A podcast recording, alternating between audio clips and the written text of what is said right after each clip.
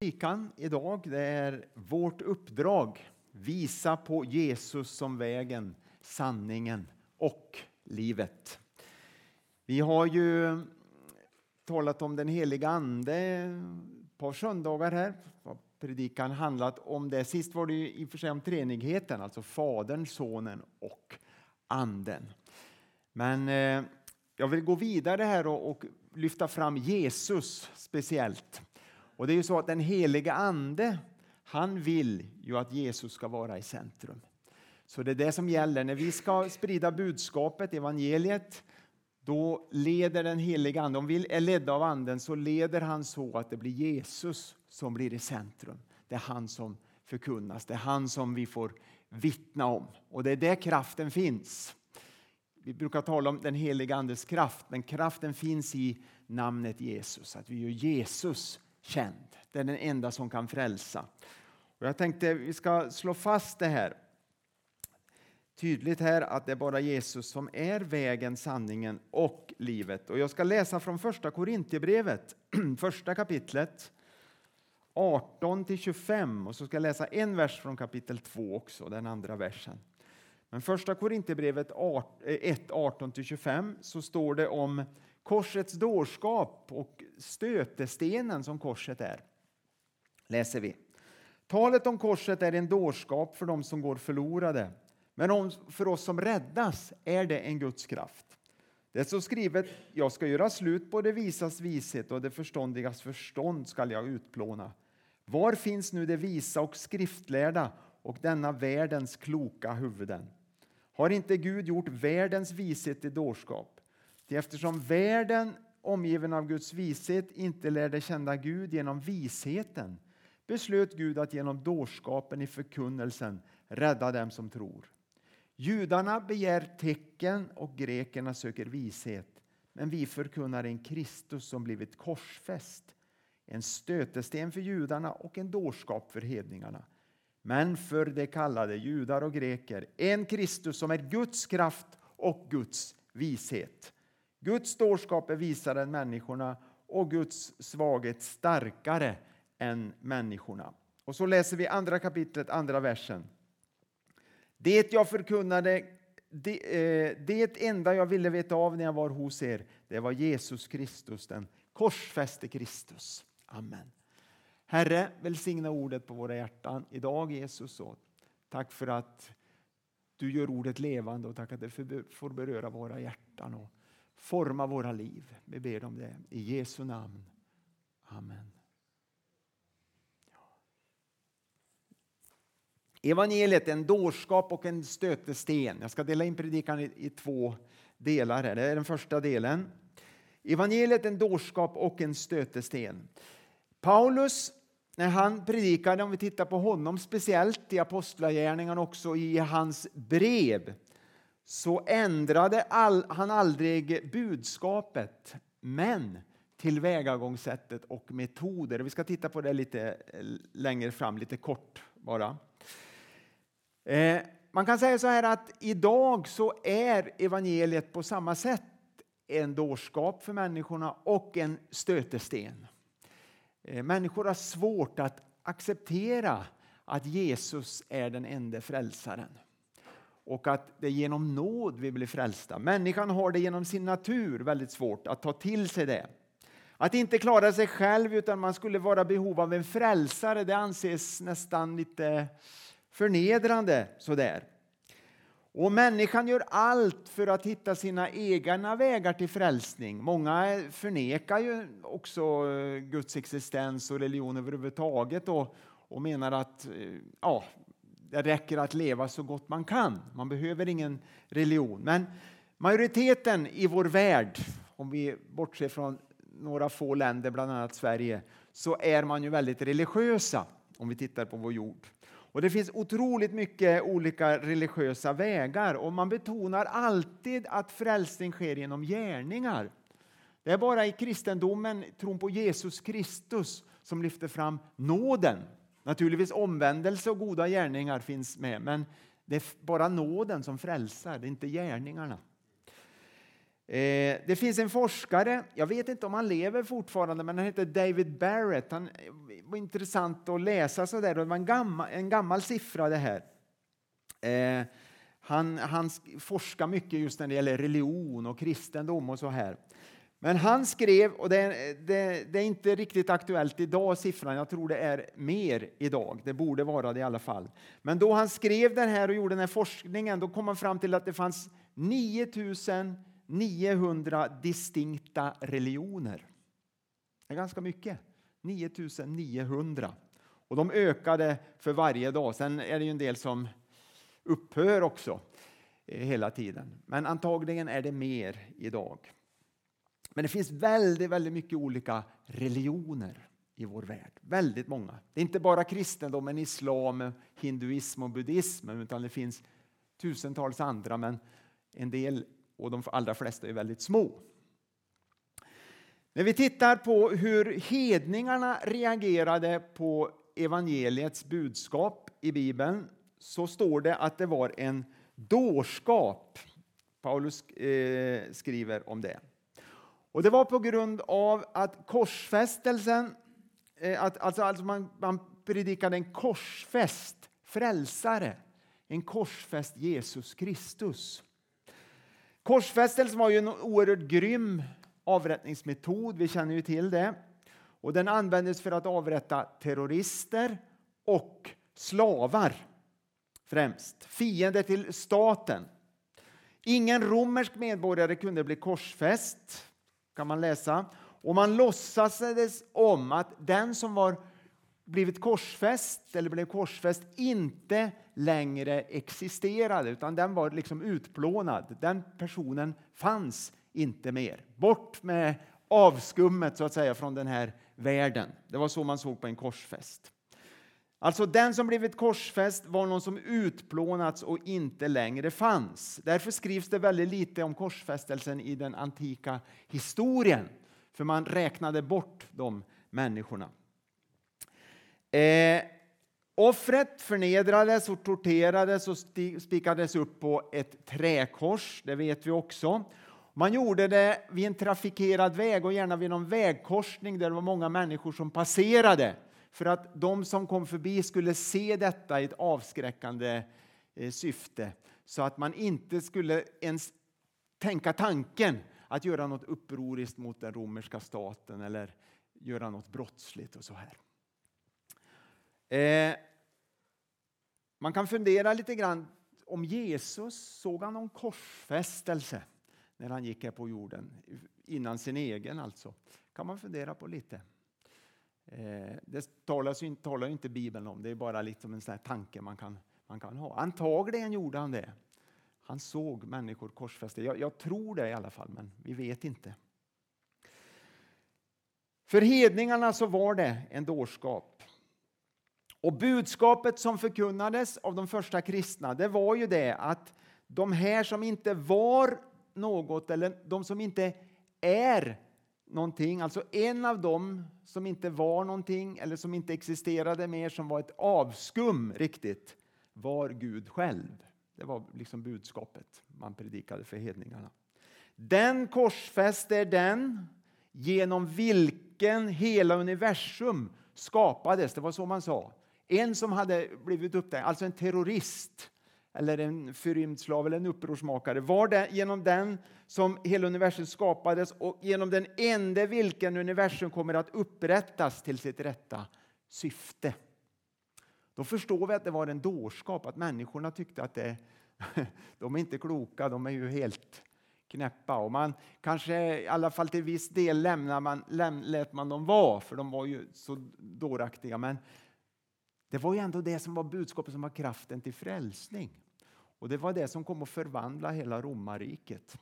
Det var därför det blev naturligtvis svåra förföljelser också mot de kristna. För de, man växte och människor tog till sig budskapet. Hur märkligt det än kan låta rent mänskligt sett. Men det visar ju bara att det var kraften i den heliga Ande som verkade när man predikade Jesus Kristus. Det var inte mänsklig visdom utan det var dårskap. Det finns en författare och förkunnare eh, från Sri Lanka, Vinod Ramachandra. Han skrev så här om, hedningar, om hur hedningar och judar måste ha uppskatt, uppfattat budskapet om Jesus. Han säger så här att och då tänker han sig på den här tiden, på Bibelns tid och den första kristna tiden här i romarriket och även bland judarna i Israel och, och de judiska eh, bosättningarna i romarriket säger han så här. Man kan inte nog betona dårskapen i ett sådant budskap, alltså evangeliet. Om du vill omvända bildade och fromma människor i det romerska riket till din sak, vad den än hade varit, vore det sämsta du kunde göra att knyta din sak till en nyligen korsfäst människa. Det var liksom dömt att misslyckas. Milt sagt, det hade varit en PR-katastrof, skriver han. Att förknippa Gud, all livs källa, med en korsfäst kriminell var att inbjuda till hån och ren oförståelse. Så det var liksom utgångspunkten när de första kristna gick ut och predikade. För Paulus och de andra. Dårskap. Och budskapet vände upp och ner på all religiös åskådning på den här tiden också. I romarriket, som också är väldigt präglad av, av grekisk religion och grekisk tänkande, så var det lite människor som levde lite på en högre nivå som hade speciell kontakt med gudarna och, och, och levde som speciellt religiösa. Då. Och man hade heliga tempel, man hade heliga lundar till exempel. Och Det var väldigt mycket betoning på filosofers djupa tankegångar och deras läror som gällde. Det var absolut inte ett kors utanför Jerusalem som var aktuellt. Och Det vände verkligen upp och ner också på den politiska världen, det här budskapet. Att Roms frälsning skulle komma från en avrättad kriminell, alltså en bortglömd, icke-existerande person och att kejsaren själv, det var ju så man egentligen predikade också, de första kristna, att kejsaren som, som man såg som hade som en gudomlig status. Och det, det, alla kejsare bekände, om jag förstår det rätt, inte sig som gudar, men det fanns de som gjorde det också, som krävde tillbedjan. Men att kejsaren skulle böja sig inför denne kriminelle brottsling som dött på ett kors, det var ren galenskap. Så man förstår vilken krock, vilken oerhörd krock det blev. För judarna, skriver Paulus här också i bibeltexten vi läste bara helt kort, så var budskapet en självmotsägelse för dem. När man talade om en Gud som hade dött på ett kors, upphängd, så uttryckte det inte Guds kraft utan snarare visade på Guds oförmåga att rädda Israel från den romerska ockupationen. Gud var oförmögen. Det visar på en svag Gud som inte hade någon kraft alls. Och så tänkte man naturligtvis också på tredje Moseboken. Vad är det det står där? Jo, det står att förbannade var en som är upphängd på trä. Det var alltså hädare och en del andra då. Efter dödsstraffet så hängde man upp kroppen på en träpåle för att verkligen visa att den personen var förbannad av Gud. Och så komma och säga att Messias, vår Messias, som är Gud själv, säger man också, Jesus Kristus, han har blivit upphängd på trä, alltså blivit förbannad av våran Gud. Alltså det för judarna var det helt otänkbart. Det gick inte, man fick inte ihop det. Så man tjänade, alltså de första kristna tjänade absolut ingenting på att framställa evangeliet på det här sättet. Det fanns inget vinstintresse. Det var helt misslyckat egentligen om man jämför med hur andra religioner och religionsutövare försöker propagera för sin tro. Så man lägger allt till rätta så mycket det går och så försöker man verkligen med övertygelse, alltså mänsklig övertyg, övertalningsförmåga eller övertygelse, visa på att man har rätt. Men här var det ju egentligen tvärtom. Så djup, budskapet stod i djup kontrast till det man uppfattade som fromhet på den här tiden. Det visar att det måste ha varit sant. Det är ju det slutsatsen. Det måste ha varit sant. Man predikade som det var. Det man hade sett, hört och upplevt och det man hade fått uppdrag att predika. Kraften i evangeliet ligger i den korsfäste Kristus. Där ligger kraften. Det var det som förvandlade människor. Det var många som kom till tro. Långt ifrån alla, det blev tufft motstånd många gånger också. Men många kom till tro. Man såg skönheten i korset, kraften. Man upplevde kraften, den heliga Andes kraft när man predikade Jesus Kristus. Den andra delen av predikan till sist så vill jag peka bara på lite hur, hur man eh, utan att kompromissa eh, vittnade och predikade om tron, bara, bara peka på det. Och man använde både dialog och proklamation när man predikade Jesus Kristus. Det är viktigt att ha med sig också. Här kan vi lära mycket av hur vi, eh, vi kan göra idag också. Den kyrkohistoriker skriver så här att det fanns två övertygelser i kristendomens början som man bar i sitt hjärta. Två övertygelser som man aldrig någonsin kompromissade med de första kristna. Det första är att det finns en enda Gud. Det finns bara en enda Gud. I romarriket och bland grekerna och så, så trodde man ju på många gudar och så här. Men det vägrar man eh, befatta sig med. Eh, utan det finns bara en enda Gud, precis som judarna trodde också då naturligtvis. Det finns bara en Gud. Men sen sa man också att Jesus är gudomlig. Jesus är Gud. Inte en Gud, utan han är Gud. Och Det talade vi om förra söndagen, om treenigheten. Jesus är Gud. Det kompromissar man aldrig någonsin med. Det finns bara en Gud och Jesus är Gud. Det var man beredd att dö för och martyrerna dog ju för det. Det berättas om eh, Eh, en man som heter Polycarpos som brändes till döds tillsammans med tolv efterföljare för att han vägrade erkänna Roms gudar och att kejsaren hade en, någon form av gudomlig status också. Det finns mängder med exempel. Men lite intressant, Polycarpos var lärjunge till aposteln Johannes.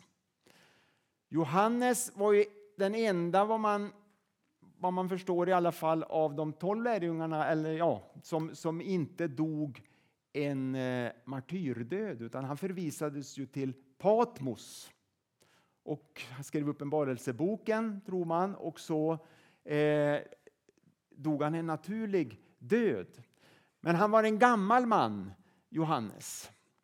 Eh, och han dog, om jag minns rätt, här vid 90-årsåldern ungefär. Polycarpos dog när han var 86 år gammal. Det var två gamlingar och Polycarpos var lärjunge till Johannes. Men Polycarpos, alltså lärjungen till Johannes, han blev avrättad. Han blev uppeldad. Och det berättas också eh, berättelser om Polycarpos att när man såg honom i elden där så gjorde det ingen skada först. Utan det var som han hade änglars beskydd när han var i elden. Men till slut så tog man fram svärd eller spjut och så högg man ihjäl honom så han dog till slut. Men han fick en hedersam begravning och hans, hans efterföljare samlade ihop benen och begravde honom. Men eh, han blev en, en martyr och han säger så här innan han dör och när han vägrar att, att eh, tillbe Roms gudar och kejsaren. I 86 år har jag tjänat honom, alltså Jesus Kristus. Och han har aldrig gjort mig orätt. Hur ska jag kunna smäda min konung som har frälst mig? Det var det sista han sa innan han blev avrättad. Amen. Starkt vittnesbörd. Mm. De vägrade kompromissa. Jesus Kristus är Gud. Han är vägen, sanningen och livet. Det finns inga andra gudar. Det är väldigt, väldigt tydligt. I Apostlagärningarna 17 läser vi, eh, vi ska inte gå in på det så mycket, det är en predikan för sig egentligen, om Paulus i Aten och hur han går tillväga. Och här kan man lära sig väldigt mycket. Paulus kompromissade aldrig någonsin med att Jesus var Gud. Men han sökte hela tiden anknytningspunkter. Och här är det viktigt att förstå att kristendomen är ju en historisk eh, religion, om man säger så. Historiskt, alltså Jesus föddes in i ett historiskt sammanhang och Gud utgår hela tiden ifrån det. Alltså när han kommer hit så, så, så när Jesus kom hit så, så levde han just i den kulturen, den judiska kulturen. Och det ser vi i Bibeln att så fungerar det hela tiden. Att, att budskapet det handlar om att förmedla det in i den kultur där man är satt. Så var det också för profeterna och i Gamla testamentet och så vidare. I det sammanhang man var satt. Och så är det för, också, för oss också. Alltså vi får an, anpassa budskapet till vår kultur utan att kompromissa med, alltså utan att kompromissa med själva budskapet. Alltså vi får eh, anpassa förpackningen men inte innehållet. Då, då tror jag jag förklarar mig tydligt. Alltså Jesus Kristus, det går aldrig att kompromissa med det. Han är Gud. Han är vägen, sanningen och livet. Men ibland får vi hitta nya vägar för att nå människor. Och här ger den helige Ande fantasi. Och här, så jobbade också de första kristna när man gick ut i romarriket. Men när man läser predikningarna som var i Nya testamentet ser man när man talar till judarna då tog man väldigt mycket från Gamla testamentet och det de kände till. Talar man till hedningarna som inte kände till Gamla testamentet då tog man andra exempel. Det är möjligt att man berörde lite grann i Gamla testamentet naturligtvis, att Gud som skaparen till exempel och så, men de kunde ju inte allt det här som det judiska folket kunde. Då tog man andra anknytningspunkter och just det gör Paulus här i Aten. Han ser ett altare. Han, först står det ju i 17 kapitlet att han blir upprörd när han ser alla avgudabilder. Men sen ser han ett altare där det står till en okänd Gud. Och så knyter han an till det. Och han berömmer atenarna till att de är ivriga gudsdyrkare och så vidare. Men sen börjar han tala då om Jesus Kristus och att, om, om en man som har blivit uppstått från de döda. Och det blir ju väldigt mycket reaktioner och de börjar fundera vad, vad pratar den där om egentligen? Och det är lite sån här lite ironiska kommentarer. Så. Men de ville höra mer, står det också. Men just det där att Paulus han, han knöt an till den kulturen där han befann sig. Och det här väl, kan man väl säga att kyrkan inte har gjort perfekt genom historien. Vissa, vissa saker har kyrkan gjort väldigt bra, men vissa saker kanske inte så bra. Just när det gäller att knyta an till människor så att människor kan förstå på ett lätt begripligt sätt. En positiv sak som man brukar lyfta upp, som kyrkan ändå har gjort, det är ju översättningen av, all, av Bibeln till alla möjliga olika språk. Tänk vad viktigt det är att människor får läsa Bibeln på sitt eget språk. Det är väldigt viktigt. Och det, det, det har ju... An, alltså andra religion, religioner och så har ju misslyckats totalt med det. Men för kristendomen så är det ju lätt tillgängligt med Guds ord, för den finns översatt på väldigt många språk. Fortfarande fattas det språk att översätta Bibeln till. Naturligtvis gör det det, fattas väldigt många språk.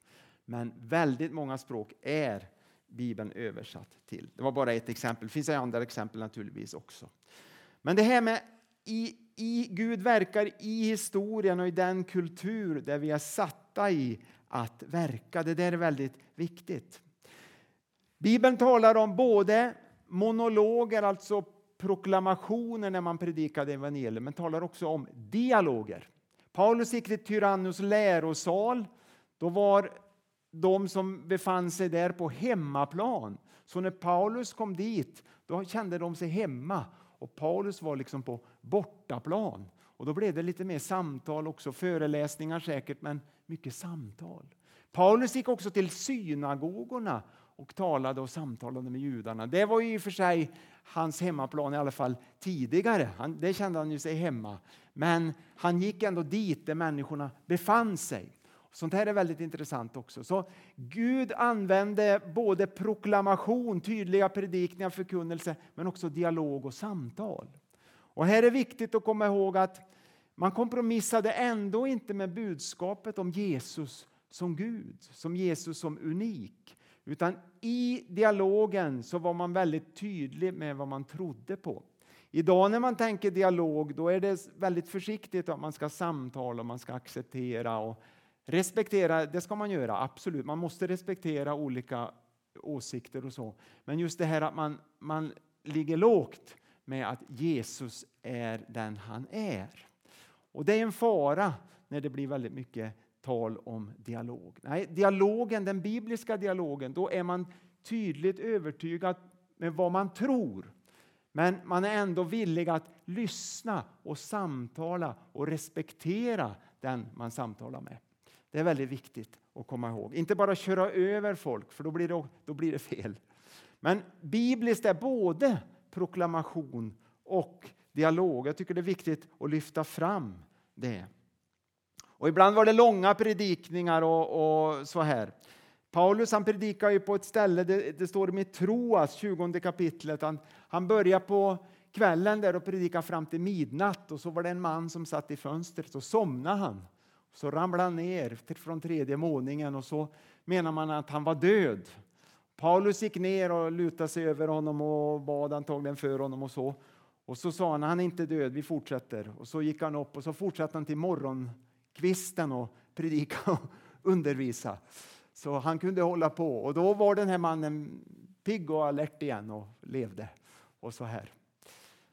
Så att eh, det, det, var långa predikningar ibland och jag hörde den här um, broder Jon, den här kinesiske pastorn som ni eh, säkert har hört talas om, en del kanske läst boken också. Han var ju här i Sverige för några, ja, några veckor sedan och då berättade han i, i, i Kina där hur när det kom när de samlas de kristna. Det här var för en del år sedan. Och de, hade, de var svårt, hårt trängda och de hade ingen frihet. Och så fick de besöka västerländska eh, kristna. Och det kom pastorer och, och, och de undervisade och kanske talade en timme eller någonting och de tyckte det var så kort, det var ju ingenting. De kunde sitta näst, ja, en hel dag och lyssna på undervisning och samtal. Så de tyckte det var inte så mycket värt det när det kom västerländska pastorer för de hade inte så mycket att ge. så. De ville höra mycket av Guds ord. Och det var en speciell situation naturligtvis. Men eh, proklamation och, och, monolog, det är bibliskt men också dialog. Jag menar inte att vi ska ha jättelånga predikningar här, det menar jag inte, absolut inte. Men eh, det, det är lite intressant att tänka hur, hur man resonerar i olika kulturer. Så det handlar om hela tiden ett klart budskap om att Jesus Kristus, han är vägen, sanningen och livet. Han är Gud, han är världens frälsare. Och det är det du och jag är kallade att predika och vittna om på olika sätt. Och an, anpassa förpackningen, det är viktigt. Ibland får man tala på ett sätt till en viss typ av människor och på ett annat sätt till andra. Det kan vara olika kulturer, om man tänker eh, folkgrupper, men det kan också finnas, och det, det gör det ju, finns väldigt många olika kulturer i vårt land. Inte bara att man är etniskt annorlunda, det kan vara till exempel ungdomskultur och det kan vara MC-folk, det kan vara idrottsfolk eller ja, och så vidare. och så vidare. Hur talar man? Hur når man människor på olika sätt? Alltid predika Jesus Kristus, alltid lyfta fram honom som den enda frälsaren. Men samtidigt förpackningen. Hur gör jag så att människor så mycket som möjligt ska kunna lyssna och ta till sig budskapet? Och då vill jag avsluta bara med ett bibelord här i första Korinthierbrevet nionde kapitlet. Och då står det så här om Paulus. Och jag tror att eh, de flesta av er känner igen det här. Det här har hjälpt mig väldigt mycket Första Korinthierbrevet 9, 19-23. Så står det så här. Lyssna här. Paulus säger fri oberoende av alla, alltså fri oberoende. Han, han känner det i sitt liv. Har jag alltså gjort mig till allas slav för att vinna så många som möjligt. Alltså han var beredd att anpassa sig verkligen. För att vinna judar har jag för dem varit som en jude. Han var ju jude, Paulus, men han hade ju lämnat det gamla sammanhanget han upp, upp, tagit emot Jesus till frälsning. Men han var ändå villig att bli som dem, sitt eget folk då, som ändå många motarbetade evangeliets budskap. Han var ändå villig att identifiera sig med dem, bli ett med dem. Han säger på ett annat ställe han till och med villig att gå förlorad för att kunna rädda sitt eget folk. Så säger så här, för att vinna dem som står under lagen har jag för dem varit som en som står under lagen fast jag själv inte står under lagen. Det var anpassning. För att vinna dem som är utan lag, då är det hedningarna han talar om, har jag för dem varit som en som är utan lag, fast jag inte är utan Guds lag. Jag har ju Kristi lag. För att vinna det svaga inför den varit svag. Allt har jag varit inför alla för att åtminstone rädda några. Allt gör jag för, att evangeliet, för evangeliets skull, för att också jag ska få del av dess löften. Allt har jag varit inför alla för att åtminstone rädda några. Han var beredd att gå väldigt långt utan att kompromissa med sin tro på Jesus Kristus. Men för att anpassa, för att människor skulle lyssna och ta emot budskapet. Det är en hälsning till oss idag. Kompromissa aldrig med vem Jesus Kristus är. Det är en dårskap och det är en stötesten för människor kommer alltid att vara. Men samtidigt vill den heliga Ande leda oss så att vi, vi är beredda att göra allt. Vi får vishet, övernaturlig vishet för hur vi ska nå in i människors hjärtan och i människors liv i den kultur som vi lever i. Vi ber tillsammans. Tack Herre för eh, ditt budskap i ditt ord Herre och tack att vi får läsa det och ta till oss det Herre. Tack att du vill lära oss och undervisa oss Herre. Vi prisar dig för det Jesus. Tack att du är en Gud som eh, har uppenbarat dig själv för oss Herre.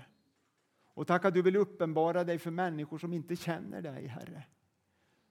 Hjälp oss att stå för dig och, och, och, predika dig och visa på dig. Att, att du aldrig förminskas i våra liv utan du ska få vara den som är den största, den som är den högste, den som är den viktigaste Herre. Det finns inga andra gudar vid sidan om dig.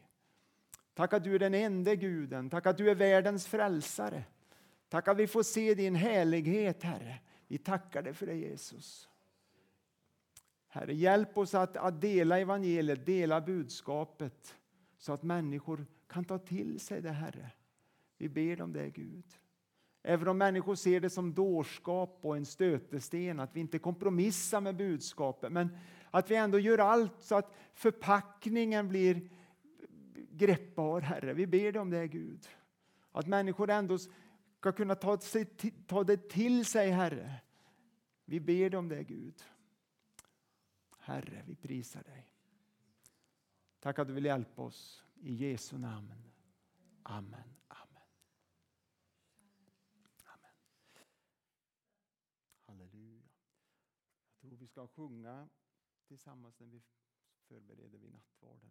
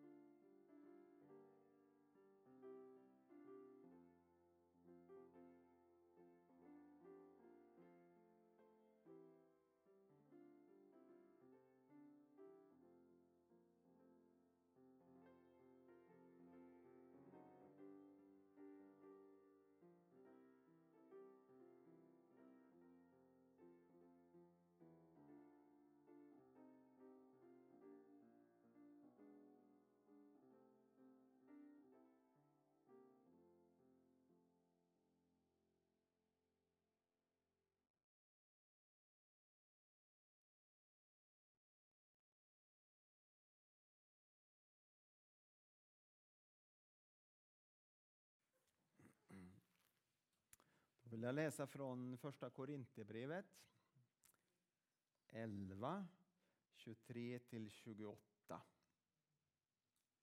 Och det läser vi. Jag har själv tagit emot från Herren det som jag har fört vidare till er. Den natten då Herren Jesus blev förrådd tog han ett bröd, tackade Gud, bröt och sade Detta min kropp som offras för er. Gör detta till minne av mig.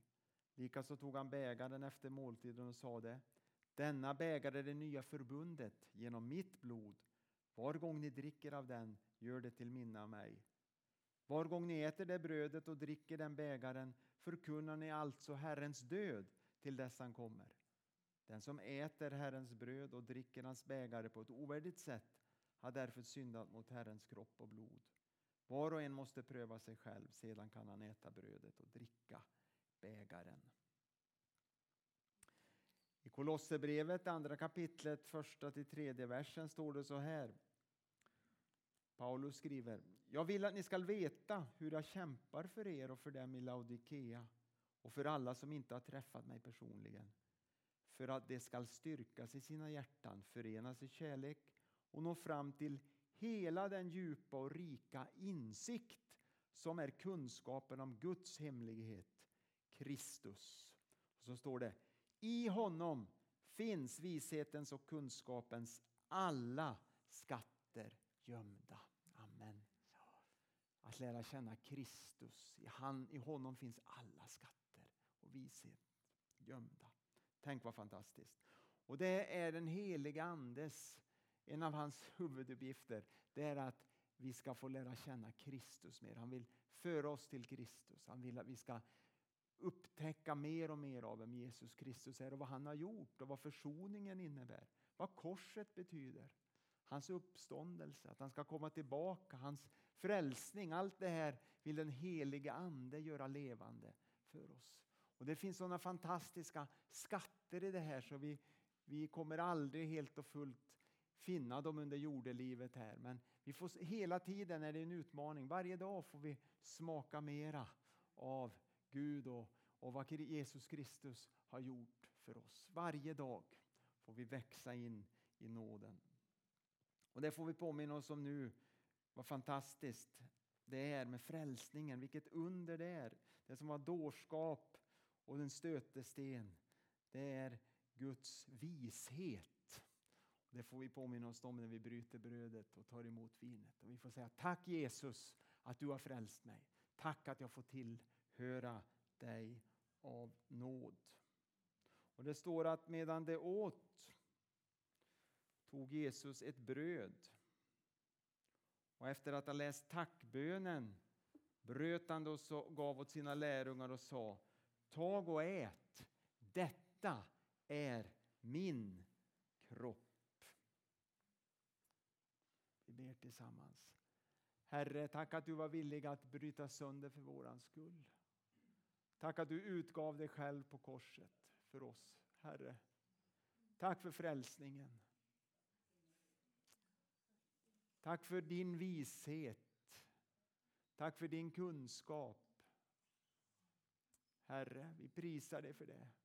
Vi kan aldrig fatta det. Det är en, det är en hemlighet som är fördold, står det i ditt ord. Men tack att vi får upptäcka mer och mer av denna hemlighet när vi vandrar med dig för varje dag som går. Tack att vi får upptäcka mer och mer vad försoningen innebär, vad korset innebär, vad du har gjort för oss, Herre. Vi prisar dig för det, Jesus. Herre, tack att vi ska få ett förnyat möte med dig den här stunden, Herre. Förnya våra hjärtan, förnya våra tankar, förnya våra andliga liv, Herre. Vi ber dig om det, Gud. Tack att du är här genom din heliga Ande och tack att du vill röra vid våra hjärtan. Vi prisar dig för det i Jesu namn. Amen. Halleluja, Jesus Kristus. Halleluja, Herre. Det står så här, Jesus sa, detta är min kropp som offras för er, gör detta till minne av mig. Och Jesus tog en bägare och efter att ha tackat Gud gav han den åt dem och sa, drick av den alla, detta är mitt blod, förbundsblodet som blir utgjutet för många till syndernas förlåtelse. Vill du be? Halleluja Jesus Kristus. Halleluja Herre. Tack Jesus. Tack för att vi får påminna oss vad du har gjort för oss, gång på gång på gång. Vi får göra detta till minne av dig. Och vi får manifestera inför den osynliga världen att vi fortfarande tror på en korsfäst, Jesus. levande Gud. Jesus. Vi tror på ett blod som göts för vår renings skull. Tack Jesus. För att vi skulle få frid.